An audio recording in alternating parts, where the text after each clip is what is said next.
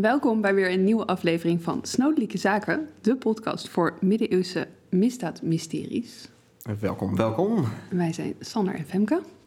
Dat zeggen we niet meer elke aflevering, dus Nee, dacht dat ik gooi hem er weer eens in. Voor als jullie het vergeten zijn. Voor als jullie het vergeten zijn. En dit wordt aflevering 13? Ja, dat klopt. Oh, dat is dan niet een heel goed getal. Nee, laten we hopen dat het goed gaat. nou ja, als je naar ons luistert, dan weet je dat het meestal niet goed gaat met de persoon in het verhaal. ja, maar dat goed. is waar. En, en vandaag eh, heb ik een, eh, een koude zaken. Koude zaken. Een koude zaak. Oh, wauw. Ja, een cold case, eh, lieve dames en heren. We hebben een onopgeloste, Gaan we die oplossen vandaag? who knows. Oké.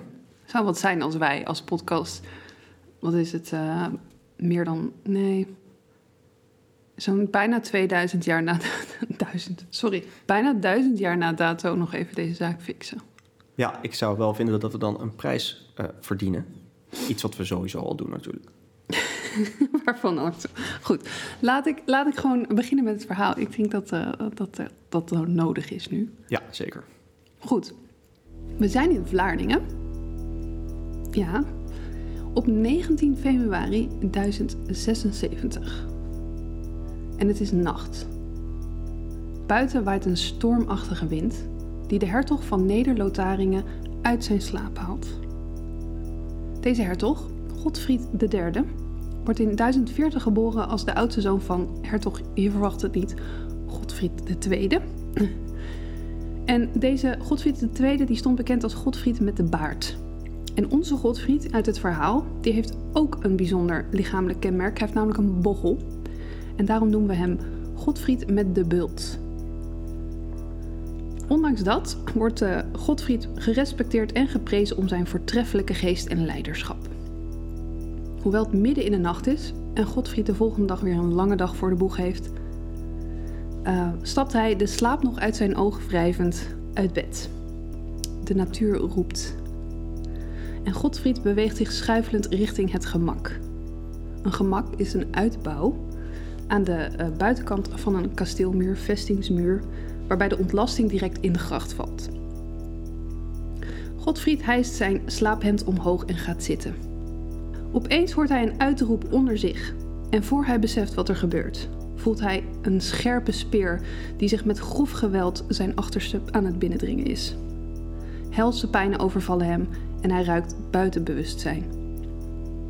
Hertog Godfried met de beult is ernstig gewond en de dagen die op deze nacht volgen vecht hij voor zijn leven. Per schip wordt hij naar Utrecht vervoerd om te worden behandeld, waar hij uiteindelijk op 26 februari, zeven dagen later, komt te overlijden aan zijn verwondingen. Ik weet niet wat ik erger vind hier. De, de oorspronkelijke, zeg maar, de speer. Ja, Of het feit dat hij niet in één keer overleed. dat hij heeft moeten lijden. Ja. ja dat is wel sip. Ja. Maar de namen zijn in ieder geval ontzettend duidelijk. Dat is ook wel weer eens fijn. Ja, Godfried met de bult. Ja. Godfried met de bult en Godfried met de baard. ja, nou ja, je kan het maar duidelijk hebben. Ja, precies. Dat wil trouwens niet zeggen dat Godfried met de bult geen baard had. Maar Nee, inderdaad. ehm, misschien moeten we het even hebben over Godfried met de bult. Want wie heeft het dan zodanig op deze man gemunt... eh, dat je dan op zo'n achterbakse wijze, pun intended... ehm, ja, een aanslag op iemands leven pleegt. Ja. Hij wordt dus eh, in 1069 wordt hij hertog van Neder-Lotharingen, dus wanneer zijn vader overlijdt. Ehm, ik weet niet of jij weet wat Neder-Lotharingen is. Ongeveer. Nou, voor de, voor de mensen die het niet weten. dat is eh, een, in de 10e eeuw echt een behoorlijk hertogdom al. En dat oh, ja, bevat het, zo'n beetje het huidige Nederland. eh, België, maar dan zonder Vlaanderen. Een deel van Noord-Frankrijk en delen van Duitsland. Zoals al eerder genoemd, eh, zien zijn tijdgenoten hem als een gerespecteerd leider. Al bij zijn aantreden wordt hij beschreven als iemand met een klein en zwak lichaam, maar echt een uitmuntende geest. Hij is niet zo groot van stuk, maar hij boekt tijdens zijn heerschappijpolitiek wel succes. Hij verjaagt namelijk samen met zijn bondgenoot, dat is de bisschop van Utrecht, Willem, ehm, verjaagt hij de jonge graaf van West-Friesia, dat is Dirk V, en diens stiefvader Robrecht de Vries. En die verjaagt hij uit het Maasmondgebied. En hij verovert Friesland en mogelijk, maar dat weten we niet helemaal zeker, zou hij eh, de stad Delft hebben gesticht. Oh, Ja. Maar op privévlak heeft onze Godfried wat minder mazzel. Zijn moeder overlijdt vroeg en zijn vader hertrouwt met de weduwe van de markies van Toscane. En deze dame arrangeert meteen een huwelijk voor onze Godfried dan.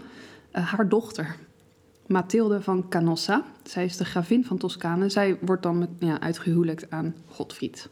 Wel interessant ook weer om, om, te zien ook nu wat, wat vrij... nou, We zitten natuurlijk een soort van in de centrale middeleeuwen, maar die, die best wel vergaande banden. Wat dan ook natuurlijk wat zegt over Nederlanderingen. Maar Ja, dat, want dat is, daar zit een behoorlijk stuk land tussen. ja, ja, zeker. ja, maar het moet dan ook wel inderdaad, eh, eh, wat jij zegt, een best wel voornaam eh, gebied zijn. Ja, absoluut. absoluut.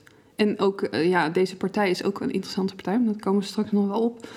Ehm, kort voordat eh, Godfried het hertogdom overneemt, echt, geloof enkele maanden, vindt dat huwelijk plaats. En twee jaar later krijgen ze een dochter, maar dat meisje overlijdt heel vroeg. Ehm, na twee jaar huwelijk vindt Mathilde het ook wel een beetje mooi geweest. En eh, ze gaat terug naar Toscane.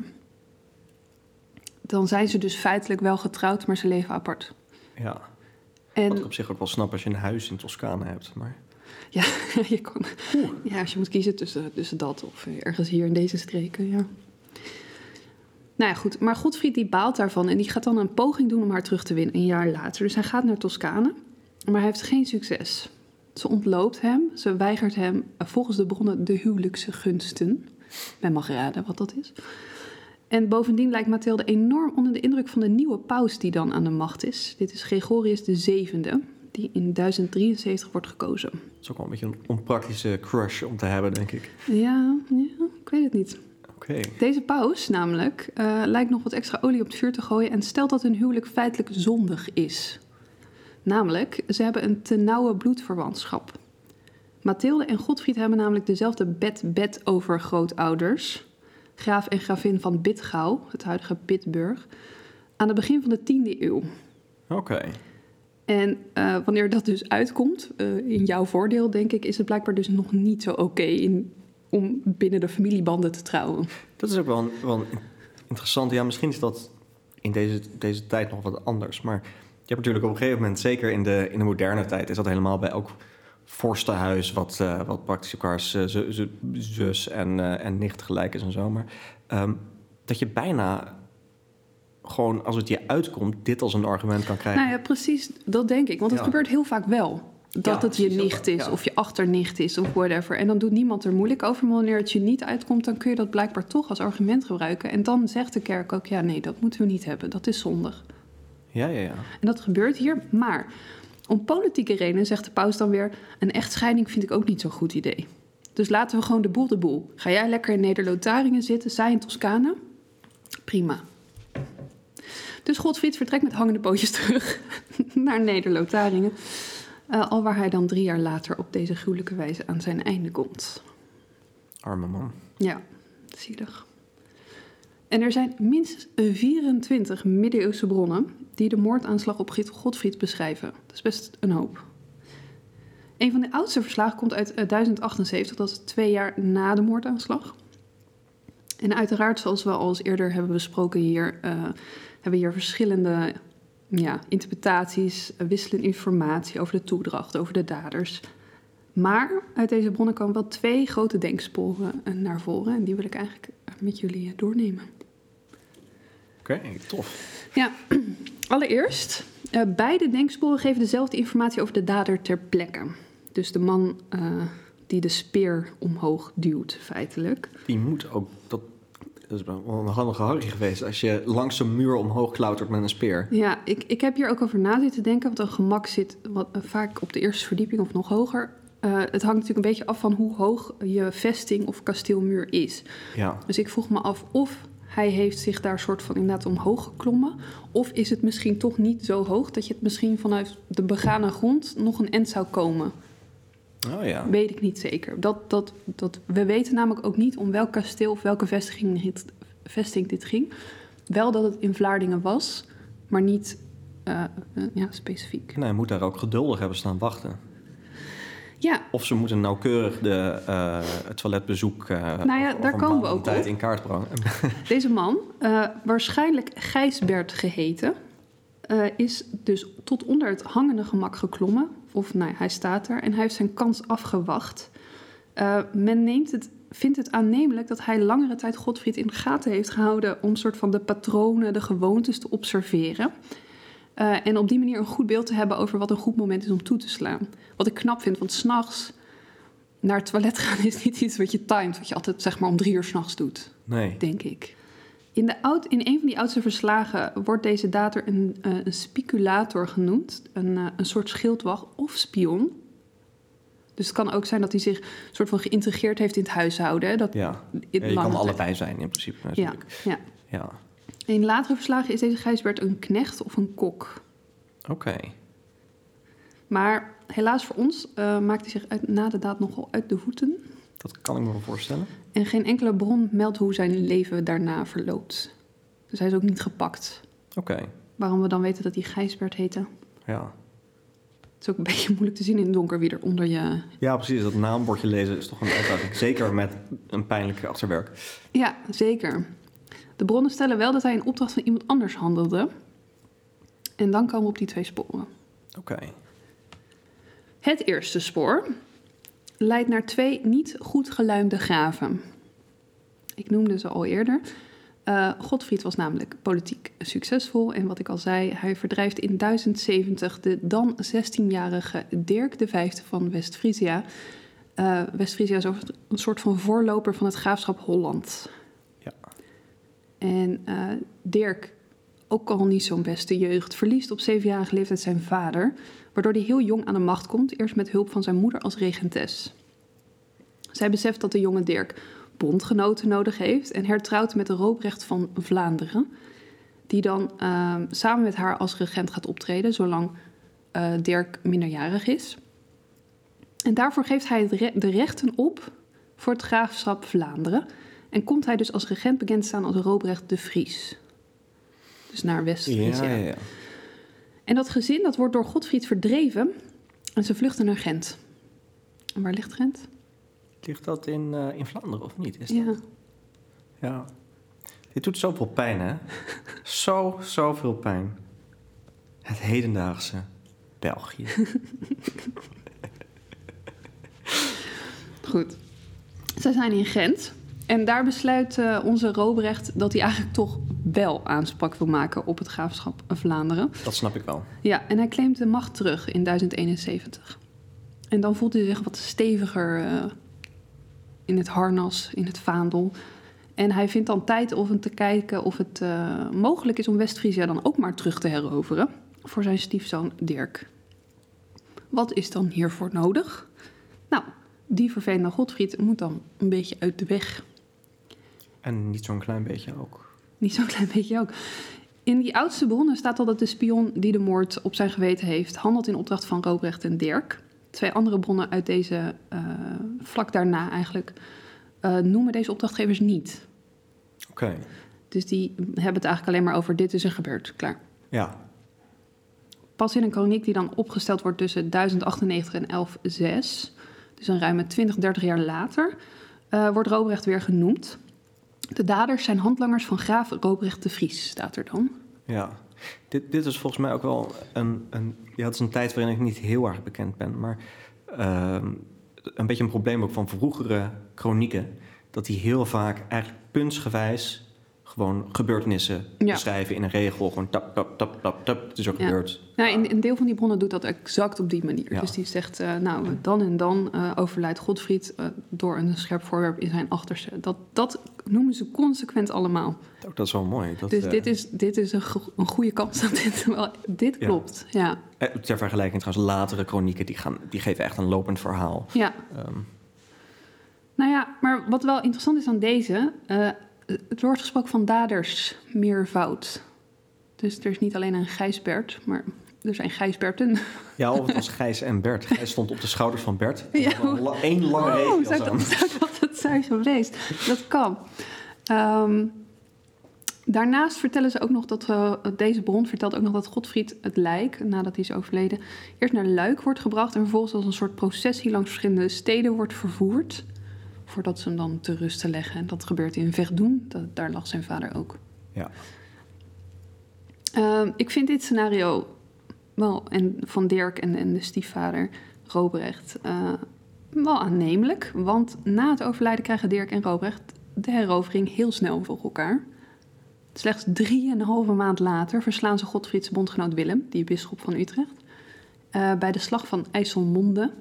En Dirk V wordt als functie, in zijn functie als graaf hersteld en bestuurt dan West-Friesia uh, tot zijn dood. Dus okay, succesnummertje, ja. ja. Maar er is nog een, een piste. Ja, want, want dit is een duidelijk motief. Dit is een heel duidelijk motief, ja. ja. Maar een tweede. Een tweede piste, ja. Um, Dirk en Robrecht zijn niet de enigen die dus genoemd worden. Um, in de historie van Milaan schrijft de historicus en priester Landulf van Milaan enkele bijzondere details op. Let op. Godfrieds eigen echtgenote Mathilde zou achter deze moord zitten. Oh. Dat is de dame die in Toscane zit. Want zoals we al weten was de liefde aardig bekoeld. En uh, Mathilde had vooral haar focus op paus Gregorius VII. Wanneer Godfried zijn pogingen heeft opgegeven en terug is in Neder-Lotarië, blijft zij wel steken onder water uitdelen. Dus bijvoorbeeld op een gegeven moment een abt, en die wil aanspraak maken op uh, bezittingen van Godfried. En wat doet Mathilde? Die schrijft een aanbevelingsbrief naar de paus. Niet voor Godfried, maar voor die abt. Dat is venijnig. Dat is heel venijnig. Dat, dat, ja, daar zijn wel een aantal gesprekken flink misgegaan in Toscane, denk ik. De relatietherapie heeft niet helemaal gewerkt. Um, haar eigen bezittingen in Toscane deelt ze overigens ook niet met hem. Want ze, ze komt echt uit een goed, uh, rijke uh, familie. En uh, ja, normaal gesproken zie je dan dat zo'n huwelijk doe je dan om je gebied uit te breiden. Nou, Mathilde die deelt niet. Nee. Die laat haar man niet in de gebieden toe. Hij heeft geen aanspraak op wat dan ook van haar. Is er, weet je, of er verder een, een, een toch van een politieke alliantie tussen de dingen wat is? Nou ja, dat is goed dat je dat zegt, want ze zijn ook politiek tegenstanders. Mathildes idool, laten we maar even zo ja. noemen, paus Gregorius VII, raakt verzeild in een groot conflict met koning Hendrik de uh, vierde. Uh, dit is later keizer Hendrik IV. Ja, ja, Op dit moment is het nog koning. Um, die is overigens de koning van het gebied ook met, rondom Neder-Lotarië. Uh, de paus bemoeit zich namelijk met oorlogen waardoor hij het koninklijke gezag aan het ondermijnen is. Um, en hij besluit ook dat de, alleen de paus bisschoppen mag benoemen. Ja. En dat uh, werd tot dan toe ook door wereldlijke leiders gedaan. En deze koning Hendrik die heeft hier, nou, die geeft hier helemaal niets om. En die benoemt alsnog een bisschop, de bisschop van Milaan. Ja. En dat waardeert de paus dan weer niet. En wat leidt hiertoe? Of wat, wat geeft hier? Dit, dit zijn de, de aanleidingen tot één grote strijd. Dit noemen we de investituurstrijd. Ja. Um, en dit is een strijd die heel lang doorjakkert. Maar goed, dat zit wel een beetje in, in, de kern van wie, wie heeft nou eigenlijk de macht over wie en wat. Ja, eigenlijk vooral keizer en, uh, en paus. Ja, keizer, de keizer is eerst altijd de Roomskoning. Ja. Voordat hij een upgrade krijgt en, en keizer wordt. Ja. En die zijn natuurlijk in zekere zin allebei erfgenamen ook van die Romeinse macht. Ja. Uh, ja, dan moeten ze uitkomen wie, uh, wie welk stukje heeft. Ja, nou ja, omdat de koning dan dus ook nog even die bisschop heeft benoemd, uh, besluit de paus weer de koning te excommuniceren. En ook alle medestanders van de koning. Um, Mathilde, die schaart zich aan de zijde van de paus. Nou, dat zat er natuurlijk dik in. En wat ik al zei, Godfried die zit eigenlijk aan het koninklijke kamp. Of in het koninklijke kamp. Um, die strijd die loopt ook dus na de moord van Godfried nog een tijd door. En daar zien we Mathilde ook als, uh, continu als onderdeel aan de pauselijke zijde in het debat. En ook vrij aanwezig is ze daar. Oh, dat is wel speciaal. Uh. Ja, uh, ze, er zijn bronnen die haar vermelden dat ze persoonlijk het slagveld is opgegaan om Hendrik IV te bestrijden. Daarmee oogt ze zowel bewondering als verachting. Um, ze zou ook volgens meerdere bronnen al in haar eigen tijd een relatie hebben met de paus. Ze zou meer geven dan alleen maar morele support. Oh, wauw. Ja. Ik dacht het een beetje met de crush, maar oké. Okay. Nou, dan moest ik al een beetje gniffelen dat je dat zei. Ja. Want dat, daar, zit dus, daar zit dus een dingetje.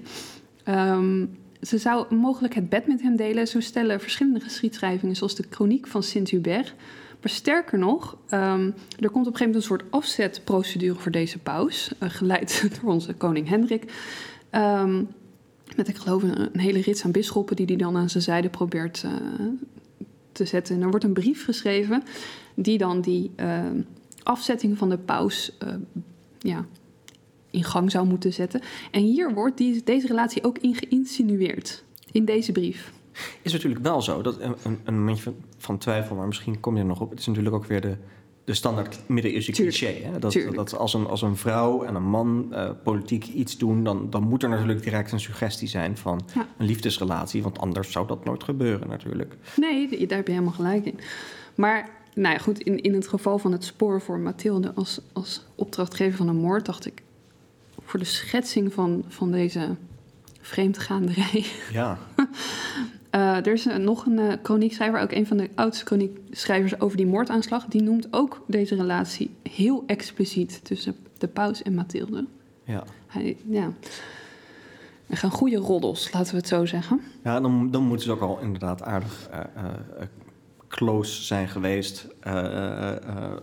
los van natuurlijk dan de roddels kloppen, maar... Ja, nou sterker een, een, nog... Een, een, bondgenoot zijn die, die toch wel aardig wat ja. wat waard is. Die, die excommunicatie die uh, de paus doet voor de koning, die zorgt ervoor dat op een gegeven moment uh, de koning dan uh, vergiffenis gaat vragen. Daarvoor gaat hij naar Canossa. Ja. En dat noemen we de gang van Canossa. Maar als je goed hebt opgelet, Mathilde heet, of wordt genoemd Mathilde van Canossa. Zij is een van de belangrijke uh, spelers daar. En sterker nog, zij is aanwezig op het moment dat die koning om vergiffenis op zijn blote knietjes komt vragen. Ja. Zij staat op heel veel afbeeldingen.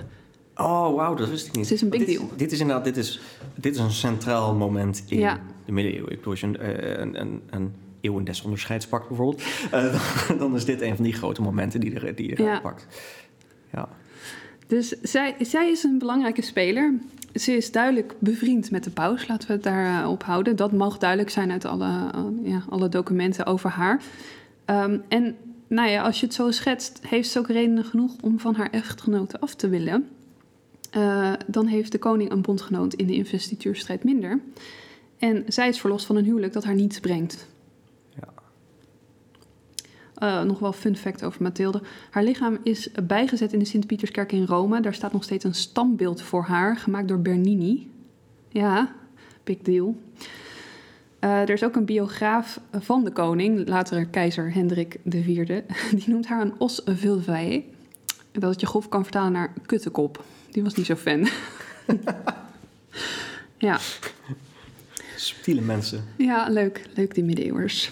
Um, in vergelijking met de hypothese dat Dirk en Robrecht erachter zitten... Uh, komt die suggestie naar Mathilde wel beperkter voor. Eigenlijk maar één keer. Echt uitgebreid. Um, deze Landulf, die geschiedenisschrijver uit Milaan... staat bovendien echt bekend als een echt een flinke tegenstander van Mathilde. En zijn chroniek staat daarnaast ook niet echt bekend als heel accuraat. Waardoor het heel goed kan dat hij ja, een verhaal schetst wat vooral hem goed uitkomt. Of wat Mathilde vooral in een kwaad daglicht zet. In het kader van alle andere negativiteit die over haar gaat. Ja. Feit is, we weten het dus niet.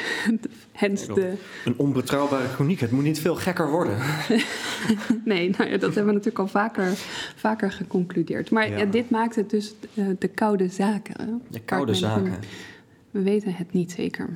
Wat denk jij? Ja, ik weet het niet. Ik vraag me af of.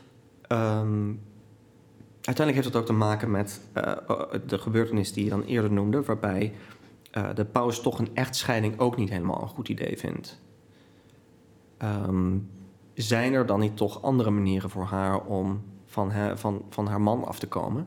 Ja. Door bijvoorbeeld toch te gaan aansturen op zo'n scheiding. Uh, misschien dat er andere elementen zijn die dan in de weg gaan staan, maar.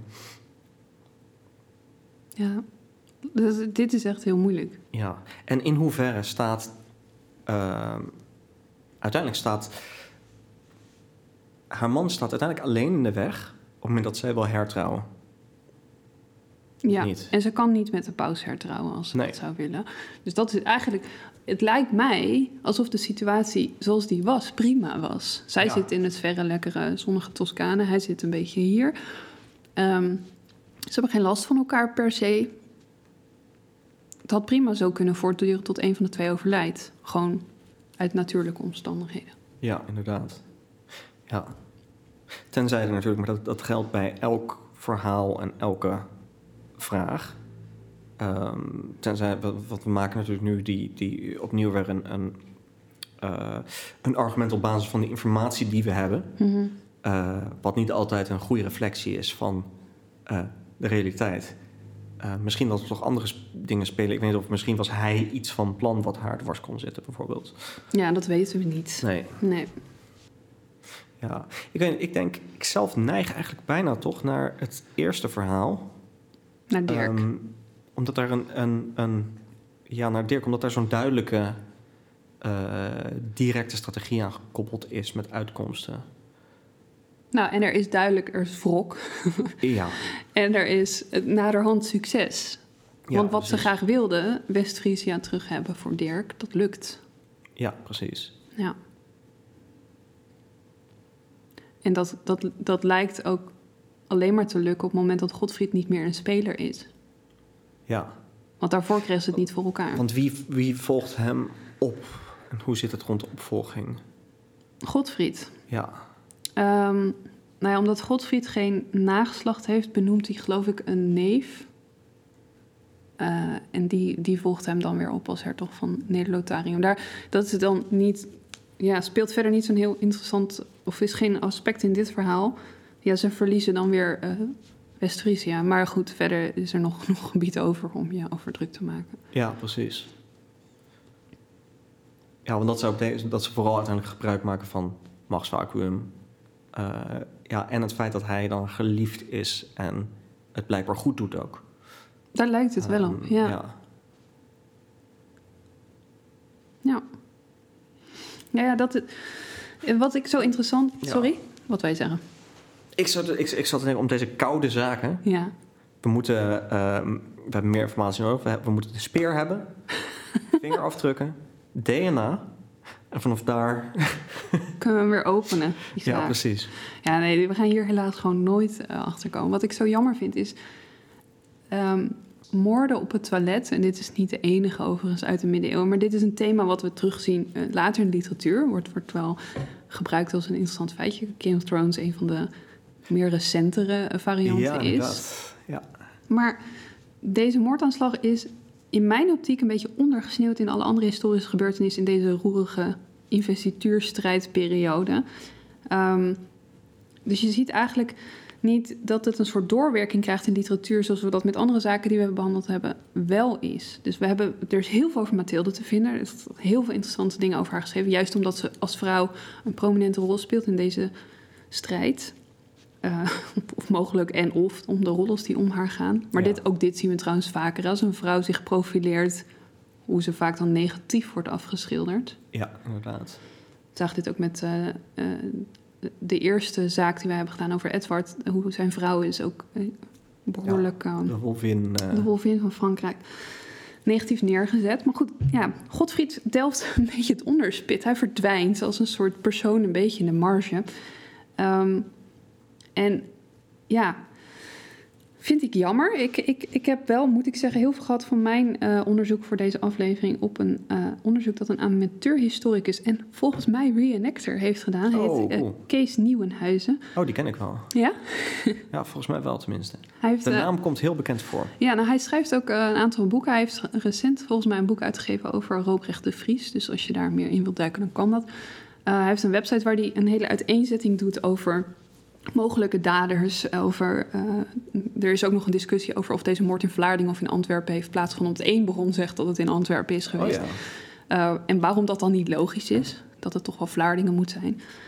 Um, maar goed, hij, hij, gebruikt al die, die chronieken, al die bronnen die er zijn... die, die heeft hij bijna allemaal raad, geraadpleegd... en heeft hij ja, heeft een mooie poging gedaan om deze moord uiteen te zetten. En daar kon ik dan weer mooi dit verhaal uithalen. Um, dus ik zal zijn website linken in onze voetnoten. Ja, zeker doen. Maar er zijn twee, vind ik, hele leuke, noemenswaardige... moderne verwijzingen naar deze moord... In 2008 is er een illustrator die voor de gemeente Vlaardingen een soort tapijt van Bayeux namaakt. Met belangrijke gebeurtenissen uit Vlaardingen. Want er is ook nog eens een slag van Vlaardingen geweest en dergelijke. Ook een reenactment van de slag bij Vlaardingen. Ja. die er heel leuk uitzag. Is dat zo? Ehm, maar dit tapijt, daar is die moord in verwerkt. Dus een beetje in die Bayeux-stijl eh, zie je daadwerkelijk een poppetje op een gemak. En dan een speertje er zo onder. Dat vind ik heel leuk. Dus die komt zeker in ons beeldmateriaal. Het is ook zeg, het is een, een schattig geborduurd, een gruwelijke moord weergegeven. Ja. ja, nee, dat is ook zo. Daar moet ik niet over lachen. Sorry. Oké.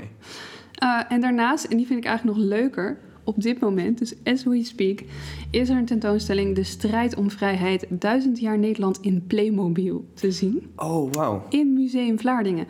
En jawel, ook daar is de, en dit, deze, deze moord heeft een naam hè, de Vlaardingse toiletmoord. Die is daarin afgebeeld in Playmobil. Oh, geweldig. Ja, dus je kan, uh, je kan dit gaan bekijken. Moet je wel snel zijn, want dit is nog maar tot 30 oktober te zien. En ik weet niet wanneer deze aflevering precies uitkomt. Dus misschien heb ik nog een paar dagen. Ja, of niet. Maar goed, dan Ja. heb je het wel ge- gehoord. Playmobil is wel echt, ook echt geweldig. Ja, nou, ze hebben dit blijkbaar al vaker gedaan. Dus was ook geloof ik een keer in Kasteel Radboud een Playmobil eh, Nederlandse geschiedenis. Of misschien wel Holland, dat weet ik eigenlijk niet. Ook vooral om een, voor kinderen het soort van ehm, ja, wezenlijk te maken. Ja. Bepaalde gebeurtenissen. Ja, ja, ja. En dat is eigenlijk, dat vind ik een hele leuke creatieve manier. Ja, ik ook. Ja. Ja. En nou ja, ik hoop met deze aflevering een kleine lans, of misschien toch maar beter van niet, te breken. voor Godfried. ja stel dat die gebroken was, dan... eh, Ja, die, dat zou nog nader zijn, ja. Deze op- onopgeloste toiletmoord. Het is een zaak die dus koud blijft. Maar ik, ja, ik vind dat hij een klein plekje voor zich verdient in de, in de maar ben ik het geschiedenis. mee eens. Ja. Ja. Ja, zeker. ja, nou, dat was hem. Heel leuk. Kort maar krachtig. Kort maar krachtig. Dat mag ook wel eens. Ja. Dus, ehm, nou, ik ben benieuwd naar, naar de luisteraarsmening. Wat denk jij? Eh, wie zou het gedaan hebben? Dus laat dat zeker weten in de, in de comments. Ja. En laat ook zeker weten wat je vindt van een zaak die eh, ja, toch afspeelt in deze regionen van een stuk vroeger dan waar we, norma- waar we normaal vaak zitten. Ja, Eh, en of je dat vaker wil hebben. Ja, er zijn eh, extra uitdagingen bij, bij dat soort zaken. zeker. Maar ze zijn wel even interessant. Of misschien zelfs interessanter. Nou ja, ja.